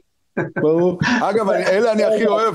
זה, אני הייתי כזה, זאת אומרת, הטלטלים, שאמרת שאתה אמרת לזביידי, כן, אני עיתונאי, אני בכלל עיתונאי, אני מהאו"ם. ברור, בוא נעשה שחטה, אחי. הוא אומר לו, זה, אחי, השיער הולך, אתה יודע, יש כזה, כמו שיש את האבולוציה, יש תמיד את, ה, את הציור של האבולוציה, האדם הולך עם נבוט, אחר כך מזדקף, אז בסוף הוא הולך עם אייפד ככה, אתה יודע, לעבר השקיעה, כן, גם איזה כן. כישלון עצום של המודרנה, לספק לנו אושר דרך קדמה, אז בסוף בסוף הוא עומד עם, אה, עם, עם, עם ג'וינט בהודו, ובסוף הוא מגיע לאומן עם שופר. ככה זה, ככה זה. זה, זה ככה, אם זה קרה לי, ואני בגיל 40, מקים משפחה, שבעה ילדים, נאבק בבסיס של ה basic, שאתה כבר שכחת מה זה חיתולים, ואני עכשיו עושה את זה, זה אומר שלא אלמן ישראל ולא יידח ממנו נידח. כל התנועת התשובה העצומה הזו של חב"ד ושל ברסלב ושל מה שקורה בעם שלנו, מה זה אם לא צורך? הרי זה לא היה מתלבש על, על, על, על עם ועל חברה שלא היה לה צורך בזה, והנה הצורך הגדול קורה. אני חושב שבסופו של דבר העם הזה שוב, עם זה מילה, אתה יודע, כל כך אה, בפי כל פוליטיקאי. הגן היהודי הזה יעשה את זה, ויעשה את זה יפה, כי אנחנו, זה מכתוב לנו, זה המכתוב שלנו. אנחנו אמורים, זה כמו רבי עקיבא שצחק. בוא, בוא, אותו שמעת שבטך ומשענתך, ובסופו, אז ימלא שחוק פינו במזמור השני. בסופו של דבר גם ימלא שחוק פינו, כי אנחנו לא מבינים את התוכנית הזו, אבל חובה עלינו להאמין. לא עליך המלאכה לגמור, אבל אין אתה אה, רשאי להיבטל ממנה, ואני מקווה שפה אנחנו כאילו מעודדים לא להתבטל, לא לשבת שם בתוך הענן של, ה, של המסיבות, וגם זה נגמר. אחרי כל מסיבה יש את התסכול, את הבדידות, את החזרה הביתה, את החיים היומיומיים, את המדבר של המציאות, וכולם שם כבר לא סוחבים. לא סוחבים במדבר הזה, אני יכול לומר את זה בוודאות, אני, בתוך עמי אני חי. מי שחי עם אנשים שהם לא באיזה טריפ אה, הנהגתי, מנהיגותי או משהו, מבין שנפל פה דבר והסיפור פה הוא, הוא בעייתי מאוד, מאוד מאוד בעייתי. אתה יודע, אה, כשסיימתי את הפודקאסט הזה עם ירון אברהם, הכל, הכל אגב ב- בישראל מחר, אם משעמם לך, ואני יודע שלא משעמם לך, אבל אתה יכול לצפות. אני מאוד אשמח לראות, אתה יודע כמה אני רוצה כן. לשבת ולראות דברים שזה, אבל אה, טוב. כן, כן, אני יודע, אני יודע, אני יודע בדיוק איך זה, כן. בכל אופן, בסוף, אתה יודע, נשמות מתחברות. ובשידור חי אמרנו, אוקיי, בוא, בוא נמשיך, בוא ניפגש, בוא נדבר. אמרתי לו, שבוע הבא אני עולה להר הבית, בוא תעלה איתי. אני כל חודש בהר הבית, כל חודש אני עולה להר הבית, אני יוטט לך, אתה צוחק, אה? לא, אה, מקסים, תשמע, אני אגיד לך מה. הרי בכל אדם שאתה מדבר איתו, יש איזו אונה שאתה אומר, רגע, במה אני מקנא בו? אתה יודע, בוא נדבר נפש, נפש זה אני, אני כל כך אוהב, אוהב לדבר על הנפש. אתה מעורר, מעורר בי קנאה באנרג'ייזריות שלך. אני, אני מאוד אוהב, כמו שאנחנו רכבנו על אופניים, ואחר כך זה, אני כזה גם. פשוט, יש לי כל כך הרבה דברים, והילדים, אתה יודע, שבעה ילדים זה עניין. אני מאוד מאוד מעריך את הדרייב ואת האנרגיה שלך ואת הברנד הזה. זה חזק, זה טוב. מה זה מעיד? זה מעיד על חיות. זה מעיד על זה שאתה במקום שלך, אתה בדרך למקום שלך, אתה בשביל שלך, אתה ב... ב, ב כמו שרבנו אומר, השביל מהצד, אתה בסינגל שלך, לא שלי, שלך. ואם אתה על הסינגל שלך, אתה, אתה טס, אתה, לא משנה אם אתה נופל, מלא דברים קורים. אבל אני מאוד מעריך מי שעל הסינגל שלו, תשמע, זה... ואני מריח את זה. אני, אני יכול לומר לך תוך שניות, אם, אם אדם שמולי הוא על הסינגל שלו או לא, כי מה שנקרא, אני בא מעולם התקשורת, אני בא מעולם ה... איך אומרים בערבית? בדקלחקה הוא אחו, אתה רוצה אמת או אח שלו? אני בא מאח שלו, אני מקופסת לאח שלו כל ערב. אני רוצה אמת, כששאלתי את זביידי, מה יהיה עם ג'נין? אז הוא אומר לי, מה ג'נין? אתה רוצה אמת או אח שלו? אמרתי לו, אמת. הוא אומר לי, אמת זה קיסריה. אמרתי לו, מה יש בקיסריה? הוא אמר, הבית שלי בקיסריה. אמרתי לו, יופי, תתחלק עם ביבי בוויקנד. אז הוא אומר לי, לא, לא, בית הוריי זה קיסריה. זכות השיבה. זבדי הוא בן פליטים, חברים. אנחנו שוכחים את זה, זבדי הוא לא 67, זבדי הוא 48. ולכן, לכן אני, לעניין הזה, אתה בדרייב שלך וסחטיין עליך, סחטיין עליך, זה, זה דבר שאני מאוד מעריך. קיצור, לא, חכה, אני טומן לך פח. תפאדל. אה, אה, נפגשנו, עלינו. תשמע, הבן אדם הזה ראה בגיל תשע איך שהאחים שלו רוצחים את אחותו, אוקיי? הבן אדם הזה חטף מכות רצח, לקחו אותו בגלל שהוא לא כך אה, דיבר אליהם, לא, לא בהכנעה אחרי מה שהוא ראה, אז הם שמו אותו באיזה מסגד בעזה, בהליך מזורז להיות שהיד. הוא עבר תופת איומה, אחר כך הוא נהיה חייל ישראלי, פגש את החבר'ה האלה בעזה שעינו אותו, רצה להרוג אותם, סיפור מדהים. נזרק חזרה איכשהו, ואיזה, ישן כמה שבועות באיזה בית קברות כילד, באיזה בית קברות בלוד, שאיזשהו בן קיוסק ריחם עליו, נתן לו מים, נתן לו סנדוויץ', שלח אותו, העלה אותו לאוטובוס לאילת, באילת ישן על החוף, איכשהו התחיל לעבוד, נהיה ישראלי, בהמשך, והתגייס לצבא, בהמשך הבין שהוא רוצה להיות יהודי, אה, אה, למד שנה במרכז הרב, נהיה נהיה גר צדק אמיתי, משהו. מקסים, מקסים. עולה איתי להר הבית, אתה חייב, אתה לא מכיר אותו אישית, אתה חייב להכיר את זה. שמעתי את הסיפור שלו, יש, אני מכיר הרבה סיפורים כאלה, גם uh, יצא לי בחודש האחרון להכיר שני סיפורים, אחד שאימא שלו על ערש דווי בכפר ליד שכם לפני שנתיים, אומרת לו אני יהודייה, והוא יוצא עכשיו למסע, ומישהי ש... ומישהי שקלעו אותה כש... תעשה את זה פעם תחקיר אגב, צבי, אתה חייב. יש לי, יש לי, יש לי, זה הסדרה הבאה שלי. כן, מצוין, יש את הסרט מסיני, אני בטוח שקראת אותו. כן, כן, כן, בוודאי, בוודאי. בוודאי. ומישהי ש... כן. הקרבה הגנטית שלנו, מה שמכונה פלסטינים, אני אף פעם לא אומר סתם כך פלסטינים, כן, אבל נכון. הקרבה הגנטית שלנו אליהם היא גדולה יותר מהקרבה הגנטית לכל עם אחר, זאת אומרת, רבים מהם היו יהודים עד לפני כמה מאות שנים. בסכנין היה בית כנסת עד לפני 60 שנה. מה? בואו פה, בדרום הר חברון, יש אה, שקעים של מזוזות, חממרה, הם קוראים להם בני היין. תעשה את זה, תעשה את זה, שעם ישראל יבין מה קורה פה. בכל אופן, אנחנו עולים להר הבית, והכל היה בלייב בפייסבוק, אפשר לראות את כל העלייה הזאת. בכל אופן עולים, והבן אדם, מה מתרגש? אתה רואה, הוא לא נתקע, הוא לא, הוא בעננים. שעה שם הולכים, מדברים. באים לרדת מההר, ואני בכל מקום בהר משאיר את הפנים שלי פונות אל הקודש. כלומר, כשאתה הולך אל כיוון כיפת הסלע, אתה הולך קדימה, כשאתה הולך משם, אתה הולך אחורה, לא להפנות את הגב, מתוך כבוד, למקום, למקום קודש הקודשים. מעולם לא זזה השכינה זה לא מהכותל המערבי של היום, הכותל המערבי של היום זה זה קיר התמך של הר הבית. קיר התמך ההרודיאני זה הכותל המערבי, מעולם לא זזה השכינה ממקום המקדש, כן? בכל אופן, הוא אומר לי בסוף משפט שאני לא יכול לשכוח. הוא אומר לי, כל מה שעברתי בחיים היה שווה את הרגע הזה. וואו. עכשיו השאלה שלי לך, מה אתה מחפש באומן כשיש לך את הר הבית? מעולה. תראה, זה מחזיר אותי לתחילת הדרך לתשובה. לא סתם אדם מחליף את החיים שלו בשנייה בחיים אחרים. זה מאוד קשור למורה הדרך, זה מאוד קשור לצדיק. עכשיו יש את עניין של תורת הצדיק, ואני יודע שאנחנו יכולים להתווכח על זה הרבה זמן, אני גם לא יודע מה דעתך על עניין של תורת הצדיק, אבל אני אומר לך את זה בסטיקריות תקשורתית אה, טלוויזיונית. בלי צדיק אני לא יכול להתקרב אל הקודש. בלי הצדיק אני לא יכול להתקרב אל השם. יש לרבנו, אה, רבי נחמן תורה, תורה ל"ד בליקוטי מוהר"ן, שהוא אומר שאדם כמו הסגול, כמו השלוש נקודות של הסגול, צריך שיהיו לו ש... שלושה קודקודים של משולש בכל יום. האחד זה חבר, השני זה צדיק, והשלישי זה את הקדוש ברוך הוא. זה ההתבודדות, זו עבודת השם שלנו. אגב, הצלע הכי קשה להשגה, הוא אומר, החבר. וככה אי אפשר להתקדם. אני אומר לך שבעצם אני הגעתי כמו שהבנת פה מהתשובות אה, בתחילת הרעיון, הגעתי רצוץ ושבור, לא, לא, לא, לא שהייתי כזה, גם לא ידעתי להגדיר את עצמי. אני מדבר מבחינה רוחנית, נפשית, פנימית, ששאלתי את עצמי איך ילדיי יחיו פה בלי אמונה וכולי.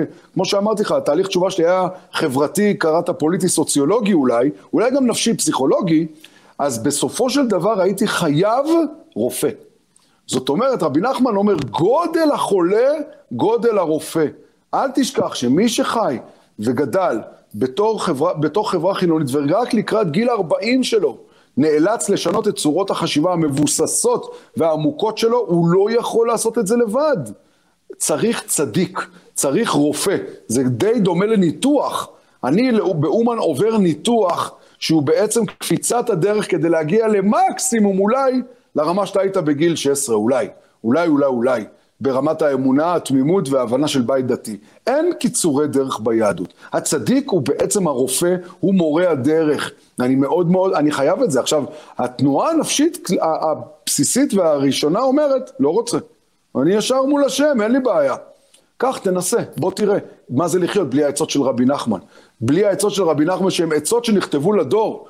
אני לא, אני לא מדבר רק על הגשר צר מאוד, אני מדבר על העצות המאוד מאוד עמוקות שלו בתורה רפ"ב, על לראות טוב בכל דבר, ומשם להחזיר בתשובה, על העניין הזה של לשאול ולהבין שכל הנקודות הטמעות שהייתי בחיים, ש, שהייתי בכל נקודות בעולם, גם שם היה השם יתברך, ומשם אני הולך לקרוא לו, על העניין של ההסתרה בתוך ההסתרה, על העניין של ההתבודדות ככלי, על העניין של השמחה, של לא להיות כוחני, על העניין של, ה, אה, אה, אה, של, שכל הזמן ללמד זכות על כל דבר. אלו, זה תפריט שכרגע אני יכול לקבל אותו רק מצדיק אחד. והצדיק הזה אומר לי, ראש השנה שלי עולה על הכל. יותר מההתבודדות שלך בכל יום בשנה, אני מגיע לראש השנה. אומן בשבילי, זה לא, שלא תחשוב שאני הרבה ברבי שמעון או בקבר של הבבא סאלי, לי זה מאוד קשה, התרבות העממית הזו. אני גם בתור אה, סטודנט בזתי לדברים האלה, כי זה איכשהו שיקף לי איזשהו משהו בשורשים של סבתא שלי, שמאוד אה, ראיתי אותו כפולקלוריסטי, לא אינטליגנטי ואולי פרימיטיבי, ועדיין קשה לי עם הדברים האלה. אבל אני עושה עבודה, ואני חושב שחלק מהענווה שאותה אני מבקש בתור עובד השם, עוברת בהרכנת הראש הזו, בלנסוע לאומן עם אנשים שאני, אין לי שום קשר איתם כמעט. אתה יודע, יש רב אחד בברסלב, שקוראים לו הרב סבג, אני לא יודע אם שמעת את זה, אבל כדאי לך פעם לראות מה זה הרב סבג. הרב סבג זה בטלר שאוסף את החלקאים והנדכאים, את הלואו של הלואו. אני במקרה פעם נכנסתי לאיזה, לאיזה שיעור, ארוחת צהריים, לא יודע מה זה היה שם, משהו, זה, זה טיש של בטלרים. ואז ראיתי דבר אחד, הדחייה שלי משם אומרת שאני עדיין לא חוויתי את מה שהם חוו. בתור מי שיודע לחוות משהו ומתוך החוויה להבין אותו, התחברתי גם אליהם. זה רבי נחמן בשבילי. ורבי נחמן בשבילי זה, זה רופא שהוא כל יום, לכן זה אומן. אומן זה לא, זה לא גיאוגרפי, אומן זה ארץ ישראל. אני נוסע לאומן עם אנשים שהם ארץ ישראל בנשמה שלהם. משפחת תור מקריית ארבע. מה הם עושים שם? כי זה גם ארץ ישראל. הדרך לארץ ישראל עוברת באומן, לצורך העניין.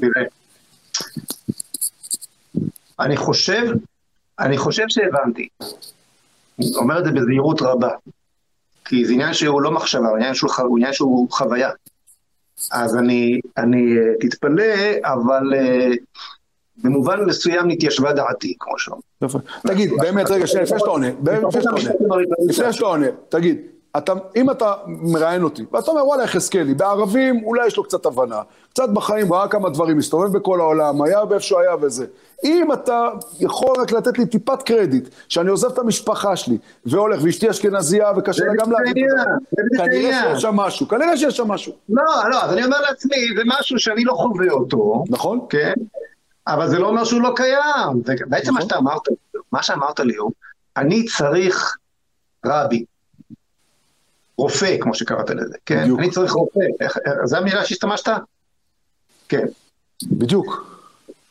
וברגע שאמרת לי את זה, אז, אז, אז הבנתי. עכשיו תראה, גם השורשים שלי זה בחב"ד, אני יודע מה זה רבי. אני חושב נכון. שאני יודע מה זה רבי. כן, כן, בסדר. אני... מה שקשה לי זה לא הרבי. למרות שאני באופן אישי, אני חייב לומר לך, כל מה ששואלים אותי, מי, ממי למדת, ממי אתה, את מי אתה, מי תורתו של מי אתה פה מבטא וכולי וכולי, אני, אני, אני, אני תמיד מתבלבל, והתחלתי לחשוב עם עצמי, אני, אני חייב יום אחד שתהיה לי תשובה טובה לשאלה הזאת, כי מתקילים אותי בשאלה הזאת ואין לי תשובה טובה. אז חשבתי, התחלתי לחשוב עם עצמי, מה, מה אני עונה בפעם, בפעם הבאה שישאלו אותי. ואמיתי, אמיתי, ומה מה הסיפור שלי? מי האיש שלימד אותי את מה שאני יודע? מי האיש שאני אה, לאורו, זה, המשפיע הגדול עליי וכן הלאה. להגיד שאין, זה נשמע כמו יהירות נוראית. נכון. אבל במקרה שלי, שהוא כנראה לא, שהוא כנראה היוצא דופן, אתה יותר הנורמל, אני פה הלא נורמל פה, כן? אני מרגיש כמו תיבת תהודה כזאת, של כל דבר טוב שזז נקרא לזה, אוקיי? עכשיו ברור שהתיבה, כן, כמו, כמו גיטרה, הקדוש ברוך הוא פורט mm. פועל במיתר, ותיבת התעודה זה עם ישראל, המנגינה שיוצאת מעם ישראל זאת התורה. לכן, mm. אתה יודע, לכן אנחנו יודעים, בכל אופן, אז, אז, אז אני, אני תיבת תעודה של, של, של הרבי מלובביץ' ושל הרב קוק ושל כל מיני הוגים חילוניים גם כן, שכל נכון. דבר, זה הכל מתערבב אצלי ויוצא זה, אבל זה לא, אבל שום דבר לא בא ממני, אני לא המצאתי שום דבר, שום דבר, לא קרה פעם אחת שאמרתי איזושהי הברקה שלא התברר לי מאוחר אותה שאמרו אותה אלף פעמים לפניי. זה לא, זה לא, אה, זה לא ממני, זה לא, זה לא חוכמתי. Mm. אז, אז, אז אני אשנה ממך במובן הזה שאני לא צריך רופא כל כך. גם אני בן אדם, גם אני צריך לדבר עם אנשים, גם אני צריך לשפוך את הלב. זה לא שאני איזה אה, משהו מיוחד. אבל אני בהחלט, בהחלט מבין את הצורך הזה, בוודאי בן אדם שבא ממקומות שלא קיבל את זה בכפית, כמו שאנחנו, כמו ש... כמו נכון. כמוך, כן? אה, אה, אה, ומישהו שיחזיק לו את היד, וירופא, ויחמם, ויכול להתחמם לאורו וכן הלאה.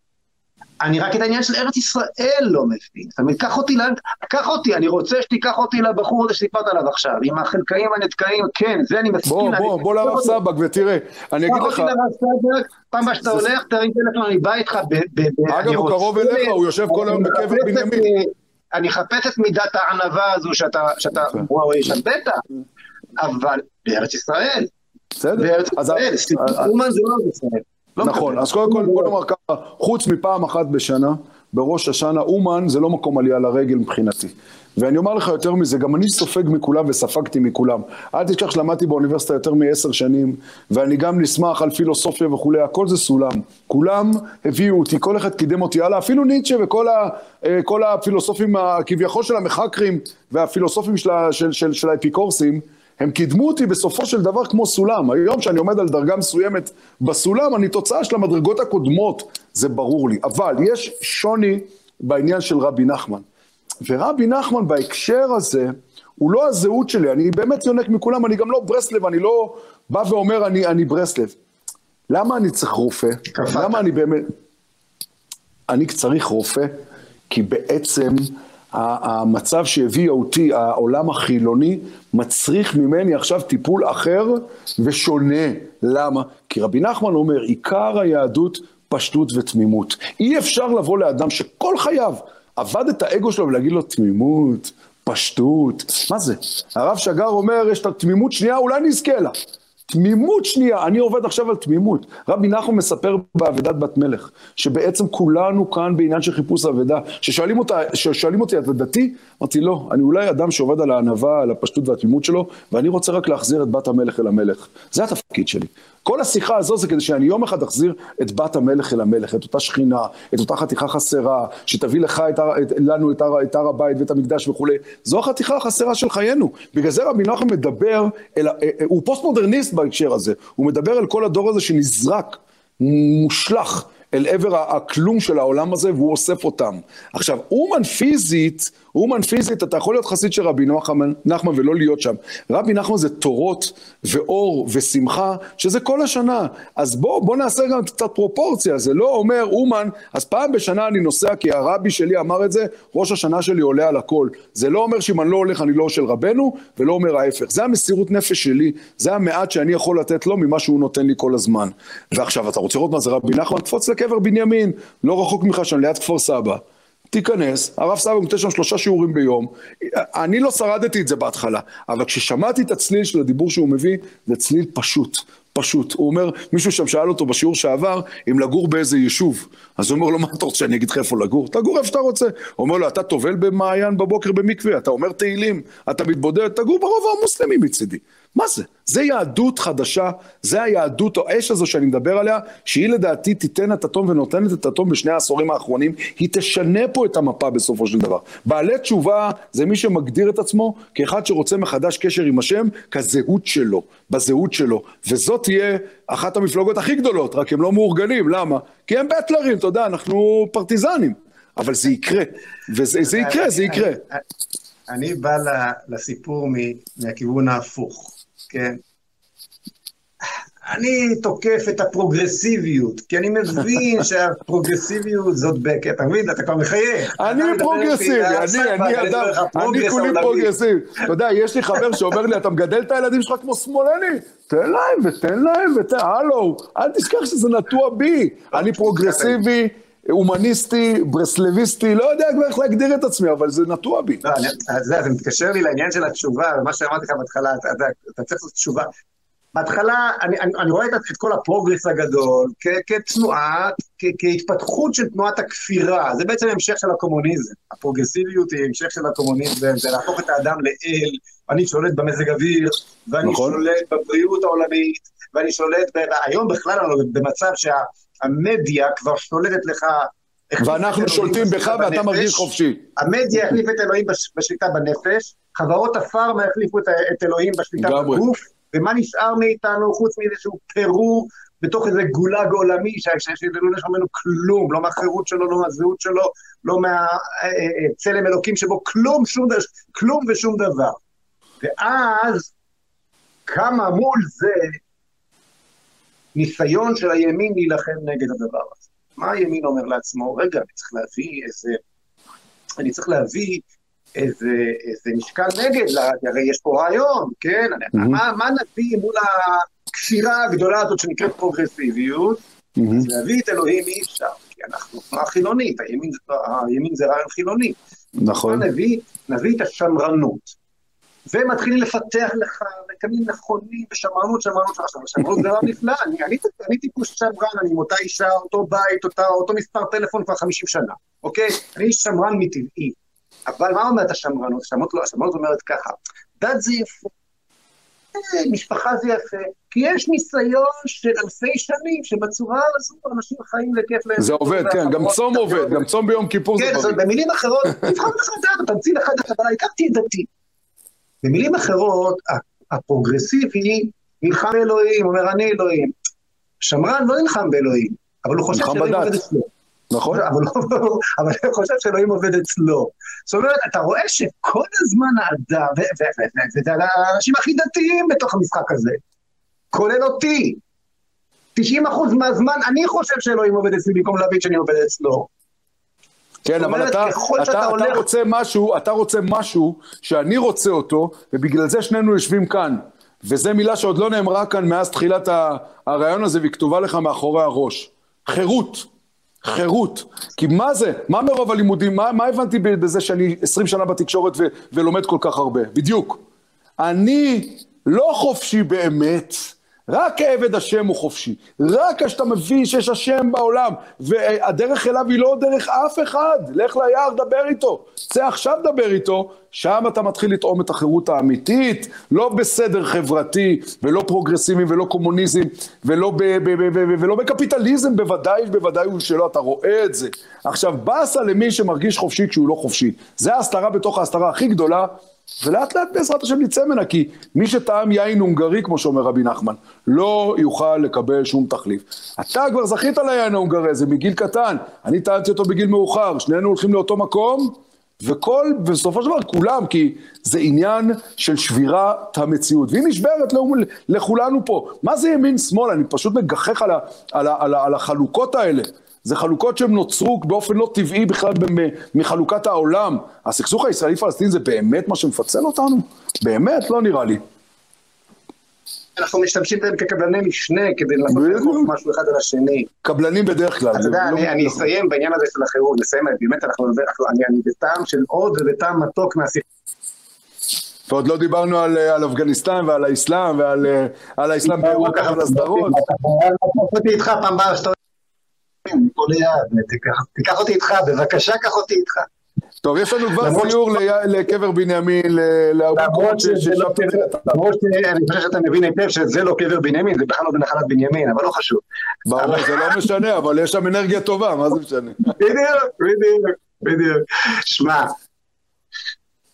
אתה יודע איפה חוויתי את החירות הזאת לאחרונה בצורה הכי חזקה ומופלאה? אני הרי פליט עכשיו, אני לא יכול להתפלל אצלי בבית הכנסת כי אני לא מחוסן. תו ירוק וכל זה. בוא לבתיים, בוא לבתיים. אוקיי, אז לבתיים אני לא יכול ללכת, אני גר בקרני שומרון, אז הלכתי לבית חב"ד. שאל גאה לאף אחד, אבל לא שאלו אותי אם יש לי תו ירוק בכניסה. בסדר. בכל אופן. אה, לא חלית עוד? עדיין לא חלית? לא. אה, לא, אני מחלים, אני מחלים. כל הכבוד. הלוואי לא, שגם הייתי מחלים. לא, מה שעושים פה בבתיים, מה שעושים פה בבתיים זה אה, לא, לפחות אה, ניסו שכשהייתה הקורונה להידבק ולגמור עם זה. כן, אתה מבין כמה זה הזוי הסיפור הזה, שאנשים כברוח מהחיסונים האלה הולכים ונדבקים בכוונה. בכל אופן, אה, ובחב"ד, עכשיו חב"ד, אז תראה איך שהקדוש ברוך הוא מסובב את הדברים, מחזיר אותי לשורשים שלי. בחב"ד בראש השנה לא מתחילים, ב, לא מתחילים באבינו מלכנו חתנו לפניך. לא, לא. מתחילים באבינו מלכנו אין לנו מלך אלא אתה. אלא אתה. ואני כבר שרתי את זה כאן פעם אחת בשידור, בחמש על חמש אני נותן כל שבוע, אני לא אחזור על זה עכשיו. אה, אבל המנגינה הזאת של חב"ד, ובכלל התפילה של חב"ד, היא תפילה, והמנגינות של חב"ד, שזה מנגינות, אתה יודע, שמצל, ש, שנובעות מתוך כל הדורות ברוסיה הצארית והפוגרומים וכל מה שהיהודים וזה, ומי שהיה הכי חזק מול השלטון הקומוניסטי היו החב"דניקים הללו, למה? בגלל שהם מתחילים מ"אין לנו מלך אלא אתה". אבל מי שנשאר בן חורים מול המכבש הכי מטורף שיכול להיות, אי אפשר לקחת את החירות שלו, זה מי שאין לו מלך אלא אתה. וכשהם שרים את זה ככה עם המגינה הזאת, אין לנו שמע, זה בשבילי אומן שבאומן. מסכים איתך, מסכים איתך. תשמע, אני מת עליך, נהניתי כבר מהשיחה. טוב, טוב, אנחנו יכולים להמשיך לדבר עד האינסוף. בעזרת השם נזכה לספוג, לקבל, אנשים חושבים יום כיפור, איזה דבר נורא, זה צום, וזה זעקות שבר, וזה איזשהו אה, אה, בית משפט, אה, לא מבינים איזה מתנה זה הדבר הזה, איזה הזדמנות, באמת שנזכה לספוג מיום הכיפורים הזה את כל הטוהר והאנרגיה וה... הכוונון המדויק לסינגל שלנו לשנה הבאה. אמן. שהקדוש ברוך הוא יושיע אותנו, את הפרט ואת הכלל, את הכלל ואת הפרט.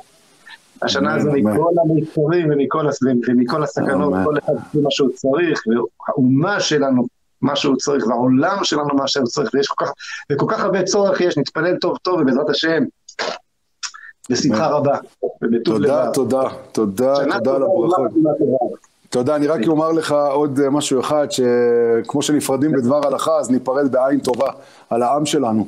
שבסופו של דבר הוא עם מקסים ומדהים, מיוחד, הלב שלו הוא יוצא החוצה לכל, לכל כאב ולכל קריאה ולכל עזרה. אז אה, זו הנקודה הטובה שלנו והיא תבהיר, היא תזרח עוד השנה. ואיך אמר רבי, רבי שלמה, אה, רבי שלמה קרליבך, אבא שלי הוא השופט, בסופו של דבר יום הכיפורים, בסופו של דבר הוא אבא שלנו. בדיוק. צריך לעשות את העבודה, הוא אבא, אבא שלי השופט, וכיפורים, כיפורים כיפורים. ובעזרת השם אנחנו עוד ניפגש, יש דרך, יש רצון, יש אור, סינגלים. אמן ואמן. תודה רבה, תודה, להתראות.